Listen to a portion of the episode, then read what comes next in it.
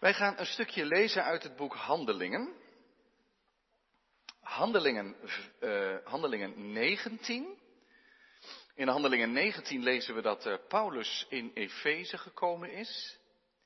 En we lezen een paar gebeurtenissen van zijn verblijf in de plaats Efeze.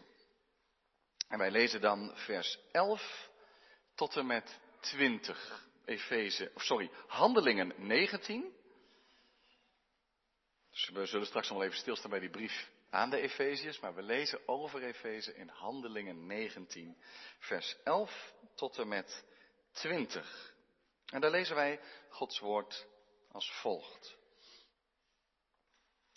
En God deed buitengewone krachten door de handen van Paulus. Zo zelfs dat als de zweedoeken of de doeken die hij om zijn middel droeg van zijn lichaam op de zieken gelegd werden, de ziekten van hen weken en de boze geesten uit hen weggingen.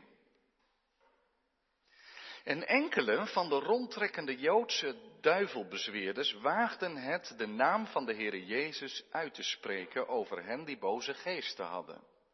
Zij zeiden, wij bezweren u bij Jezus die door Paulus gepredikt wordt. Het waren zeven zonen van Skeva, een Joodse overpriester, die dit deden. Maar de boze geest antwoordde en zei, Jezus ken ik. En van Paulus weet ik af, maar u, wie bent u? En de man in wie de boze geest zich bevond, sprong op hen af. En toen hij hen overmeesterd had, bleek hij sterker dan zij, zodat zij naakt en gewond uit dat huis vluchten.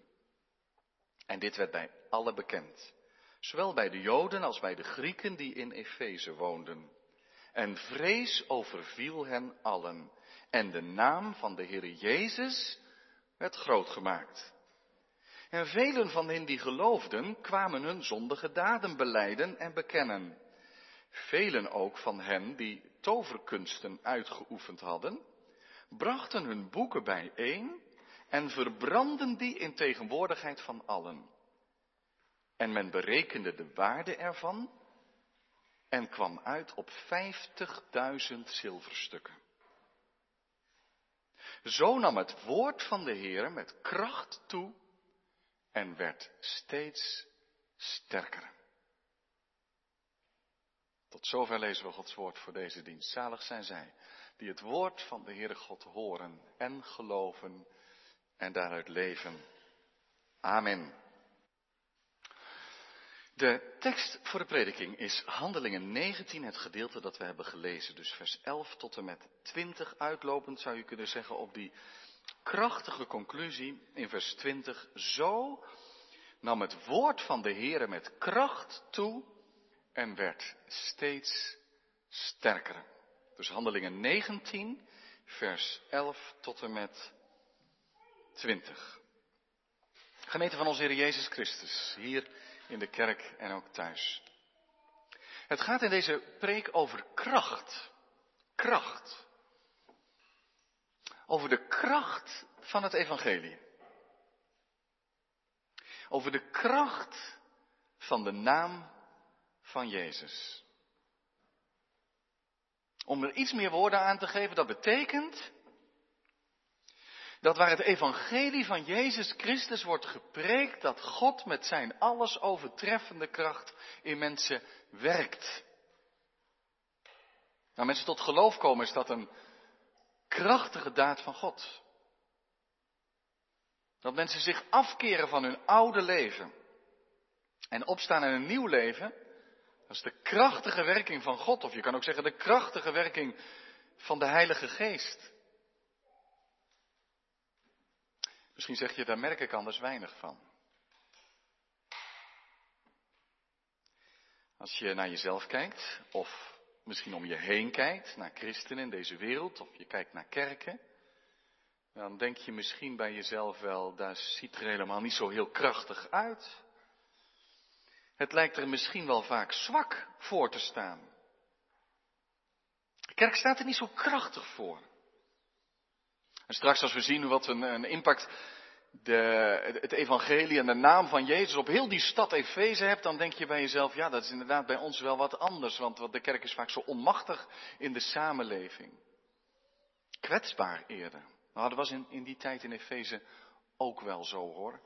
Zeker als je ziet in dat volgende gedeelte, dat met de Demetrius enzovoort, dat ze daar twee uur lang staan te scanderen in het stadion, dat de Artemis van de Efeziërs toch zo groot is. Maar God werkt krachtig.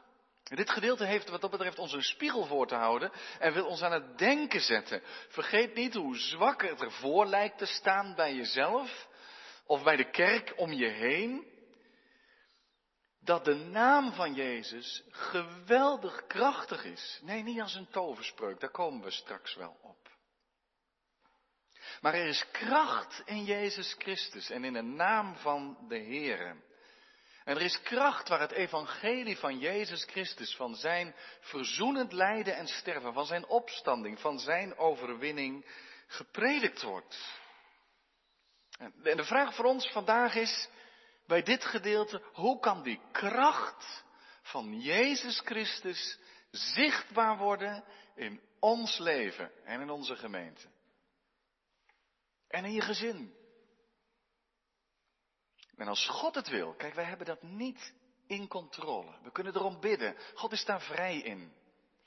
Maar als God het wil, dan zullen machten van de duisternis verbroken worden. Wonden geheeld. Mensen opstaan in een nieuw leven. Dan is die kracht ook zichtbaar in krachtige bekeringen. En krachtige bekeringen, dat, dat klinkt misschien een beetje vreemd, maar dat wil het tegenovergestelde zeggen van half om half bekeringen. Van, van ja, met één been een stap verder zetten in de richting van God en, en met het andere been de andere kant op willen. Nou, dat gaat niet, hè? Een halve bekering. Nee, krachtige bekeringen. Mensen die met vreugde het oude leven achter ons laten en met vreugde achter de Jezus aangaan. Thema voor de preek is de kracht van het evangelie. En kracht is een, blijkbaar een sleutelwoord van Paulus' bediening in de plaats Efeze.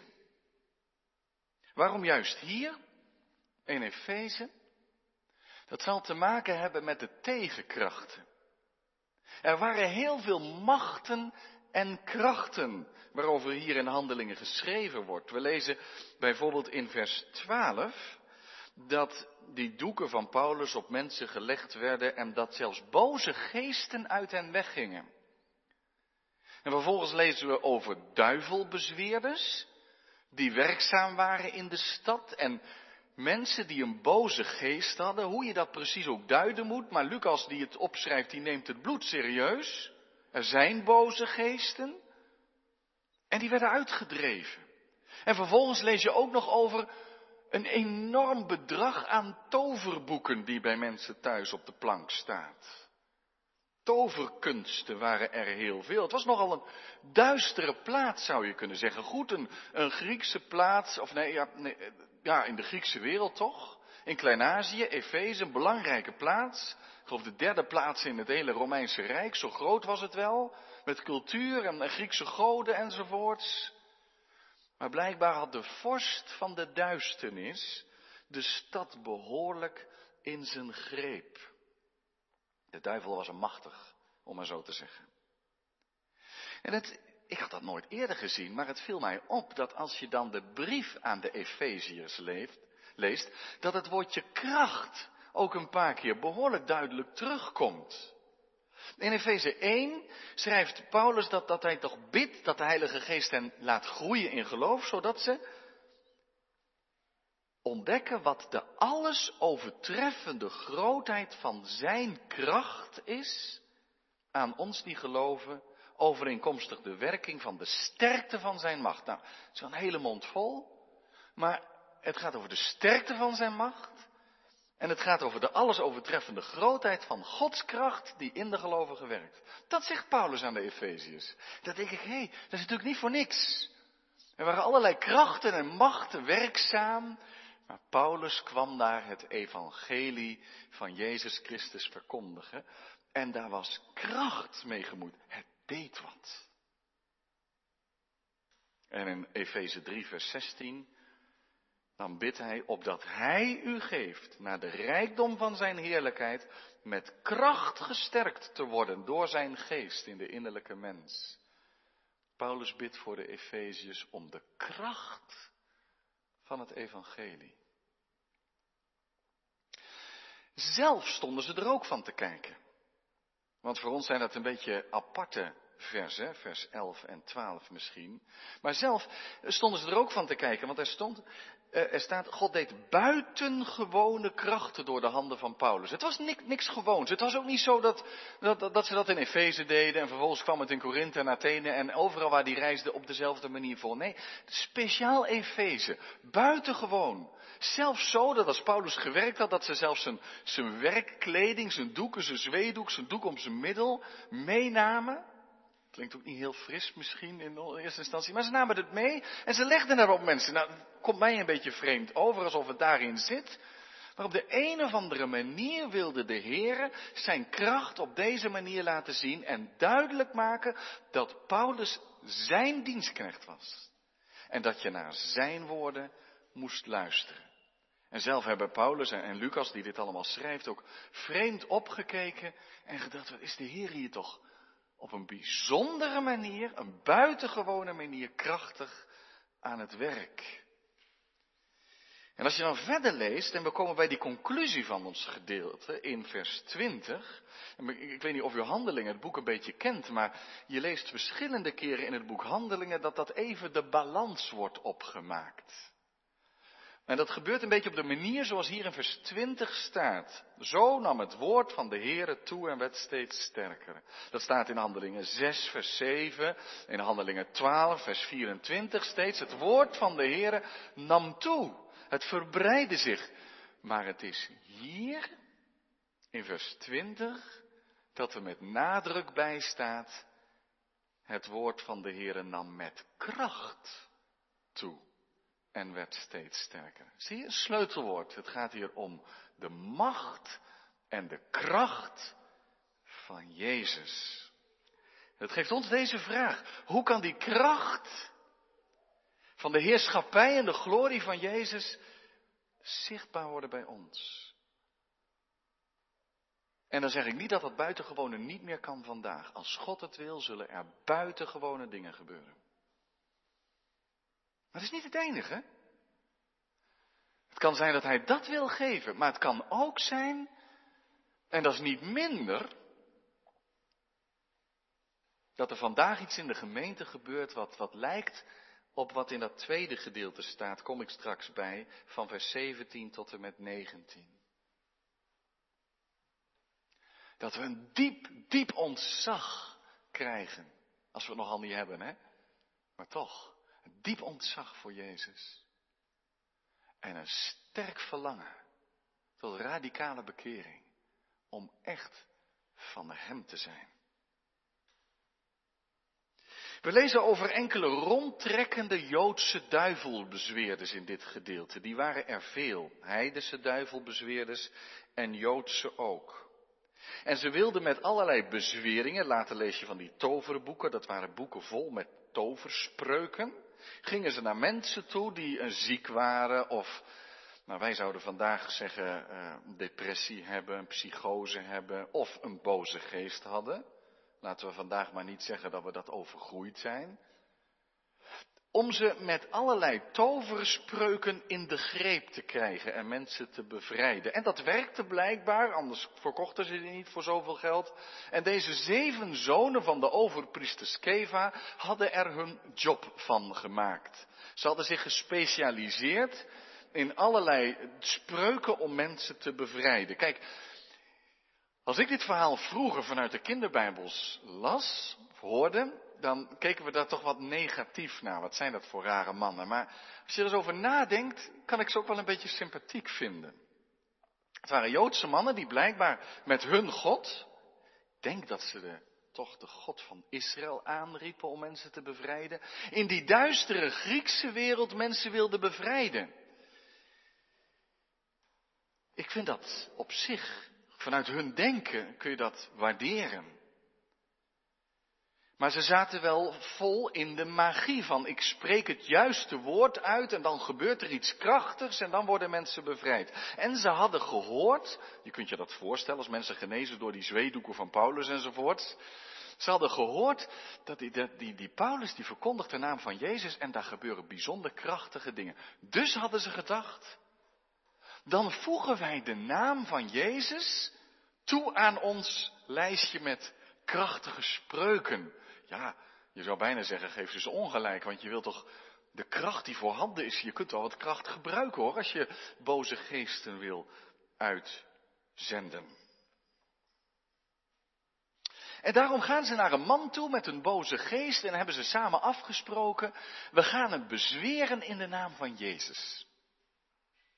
En daarom zeggen ze tegen die man die de boze geest heeft, wij bezweren u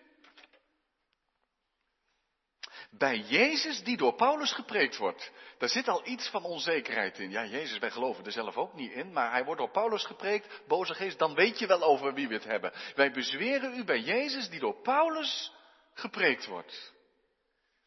En dan gebeurt er iets vreemds. Dan reageert die boze geest als door een wesp gestoken. Hij wordt woedend. Het is vaak zo, je leest het in de Evangelie en soms in handelingen, dat de boze geesten Jezus kennen en moeten erkennen. Ze sidderen voor hem. Toen hij die legio bevrijdde van zijn vele demonen, toen zei hij, wat heb ik met u te maken, Jezus, de Zoon van God? Er zit erkenning in en ze sidderen voor hem. Maar deze man met die boze geest, deze boze geest siddert niet voor die zeven zonen van Skeva, want hij doorziet dat ze wel de naam van Jezus gebruiken, maar hem niet aanvaard hebben als hun Heer. Dat is het verschil tussen een wonder in de naam van Jezus en magie. Als je Jezus' naam alleen wil gebruiken, dan lijkt je een beetje op Simon de Tovenaar, die, die ook wel Jezus wilde volgen, maar om die naam te kunnen gebruiken om, om er iets mee te worden. Dan, dan is de naam van Jezus een tool. Een gebruiksvoorwerp. Dan neem je de naam van Jezus en jij gaat er iets mee doen. Dat is magie. Maar, en dat doorziet die man met die boze geest. Die boze geest doorziet dat. En die zegt dan, en dat is heel, heel bijzonder, in vers 15 lezen we dat, maar de boze geest antwoordde en zei, Jezus ken ik. En van Paulus weet ik af.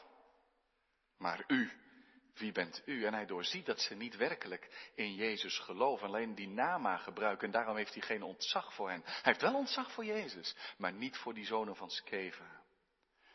En de man in wie de boze geest zich bevond, sprong op hen af en toen hij hen overmeesterd had, bleek hij sterker dan zij, zodat zij naakt en gewond uit hun huis vluchtte. Zie je voor, voor je? Die ene man heeft zoveel energie en zoveel kracht, bovennatuurlijke kracht, dat hij op die zonen van Skeva afspringt en hij laat ze alle hoeken van het huis zien.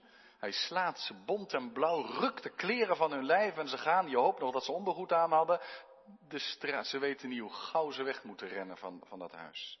Een enorme vernedering. En het lijkt haast wel alsof Lucas dat met enig genoegen opschrijft. Om aan te geven dat de naam van Jezus niet iets is om voor jouw karretje te spannen. Snap je wat ik daarmee bedoel? En dan komt het ook een beetje dichtbij, want we denken misschien duivel dus dat is niet echt herkenbaar voor mijn leven. En wat hier gebeurt, dat herken ik ook niet zo.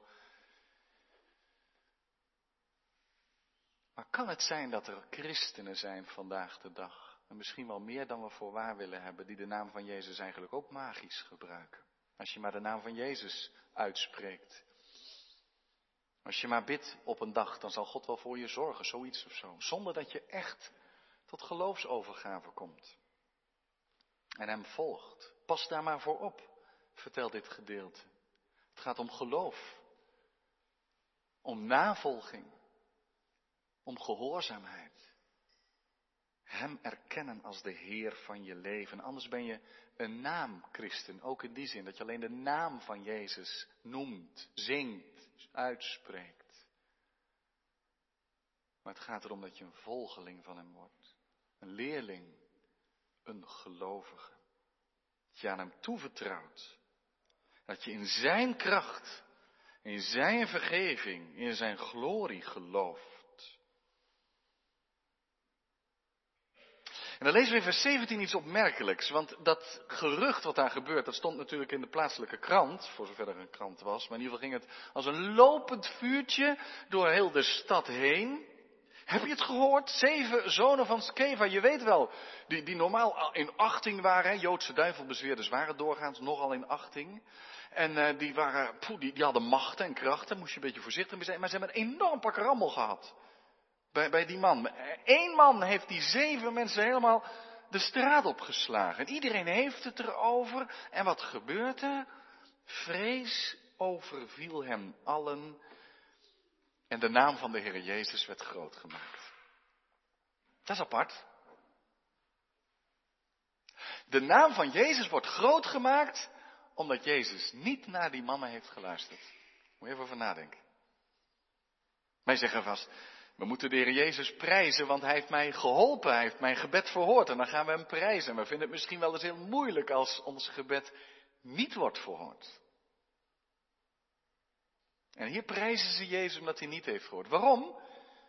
Omdat Jezus blijkbaar veel groter is dan al die toverspreuken van die zonen van Skeva. Omdat Jezus, die naam veel heiliger is dan dat je die naam zomaar even zou kunnen noemen om voor je eigen zaakjes te gebruiken.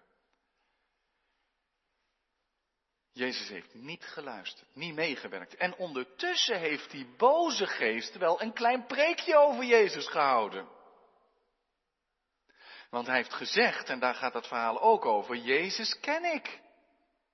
En van Paulus weet ik af, alleen jullie niet.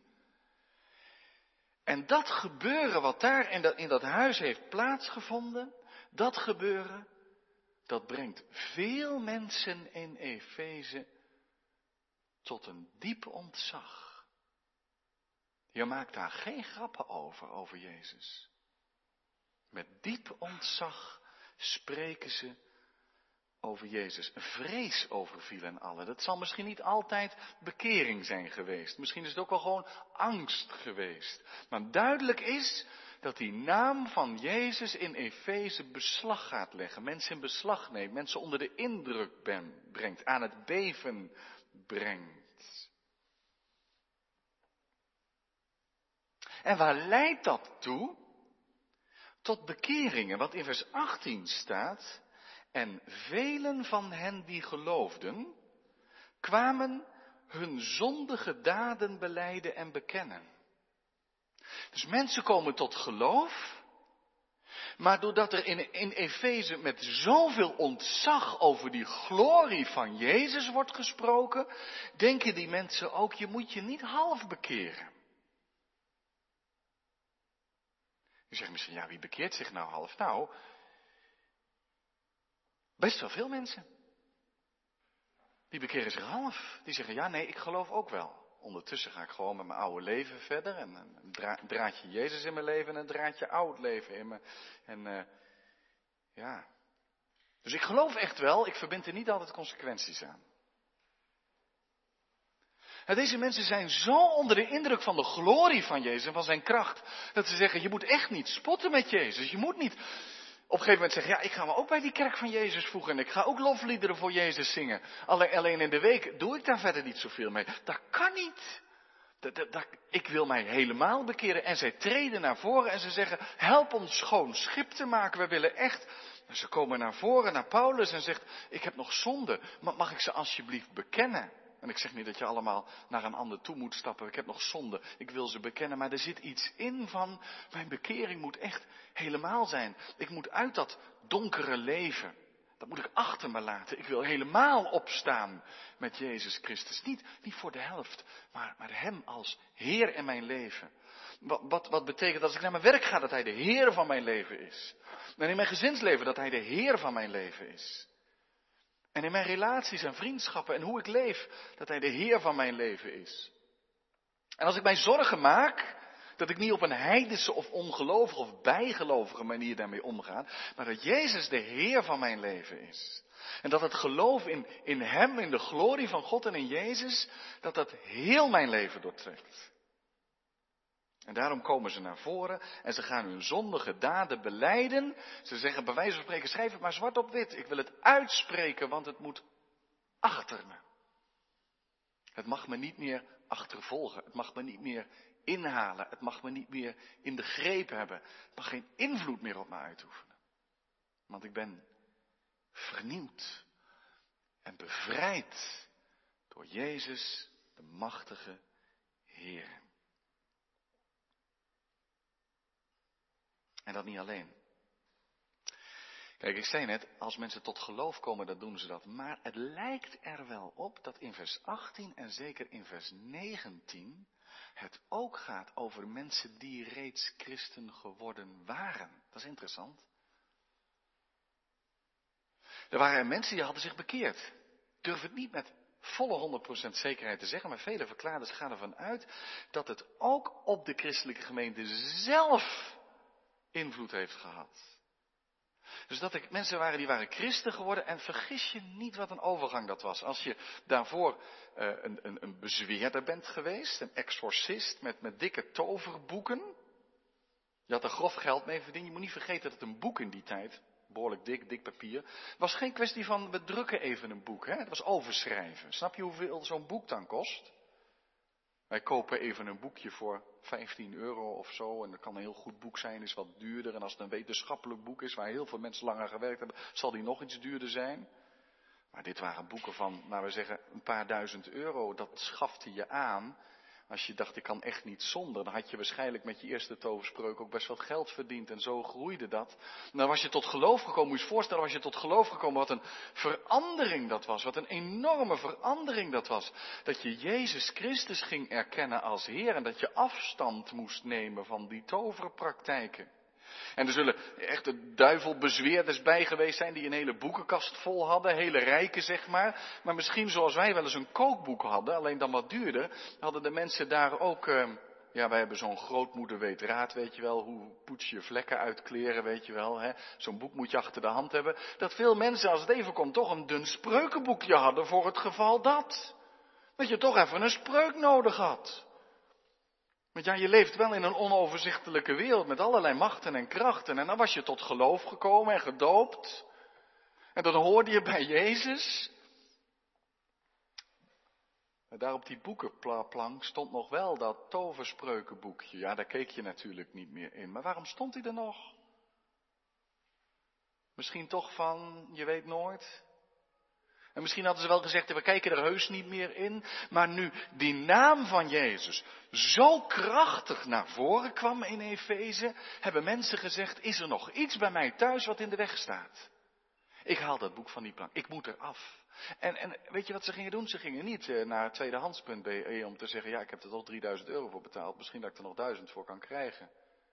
Dat deden ze niet. Waarom niet? Het mocht er niet zijn.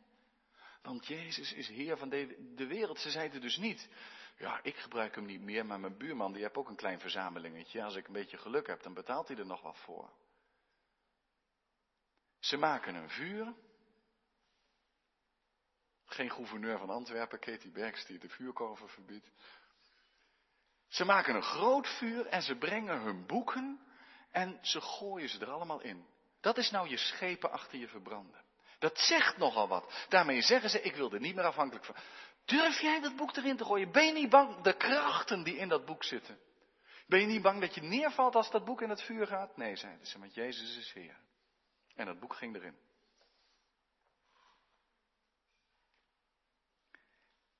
En dat vuurtje wat daar brandt, betekende voor hen totale bevrijding. Bevrijding ook van de God van de mammon, God van het geld. Maar ook van al die krachten waarin ze gewoond hadden. Wat een heerlijk moment is dit geweest voor hen. Ze zeiden, nu ben ik er los van. Het houdt mij niet meer in de greep. Ik ben van Jezus en van Hem alleen. 50.000 zilverstukken kosten die boeken. 50.000. Een zilverstuk is een dagsalaris. Nee, meer nog. Veel meer nog. Een jaarsalaris, zeggen sommigen. Nou, je kunt er een aardig sommetje op loslaten, maar we komen op getallen die we eigenlijk niet meer begrijpen, denk ik. Wat daaraan geld het vuur in gaat. En dat daar niet gelovigen bij zijn komen kijken en gezegd hebben, wat zijn jullie mee bezig? En dat die mensen daar tevreden naar hun verbrande boeken staan te kijken en zeggen, ik heb me nog nooit zo gelukkig gevoeld als nu. En wat, wat een invloed dat we. Hoe toepasbaar is dit op ons leven? Nee, geen toverboeken waarschijnlijk bij u thuis. En geen vuurverbranding vandaag op de straat. Maar voelen we het aan? De radicaliteit en de vreugde van de bevrijding die daarbij hoort. Geen halve bekeringen. Maar de vreugde van de totale omkeer en te zeggen, Heere, kom dan, hoe zwak ik zelf ook ben, kom dan met uw grote kracht in mijn leven, dat al dat oude achter me is. En dat ik echt in u geloof, leef in een diep ontzag voor Jezus, die de Heer van je leven is. Kijk, en dat kan niet anders of het wordt opgemerkt in je omgeving. Kan toch niet anders haast, hè?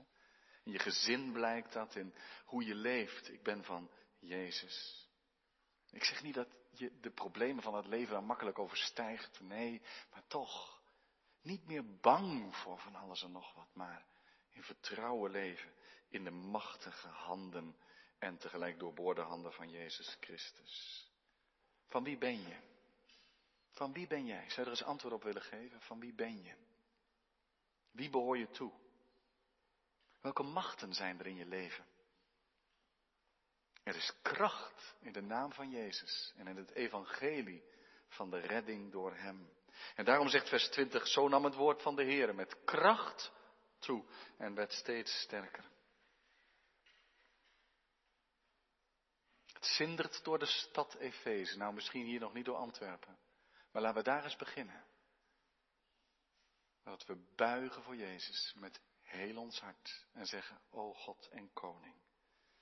Mijn Heere en mijn God. Leer mij u vertrouwen in alles. Dan hoef je voor de duivel niet bang te zijn. Niks. Want Jezus is Heere. Amen.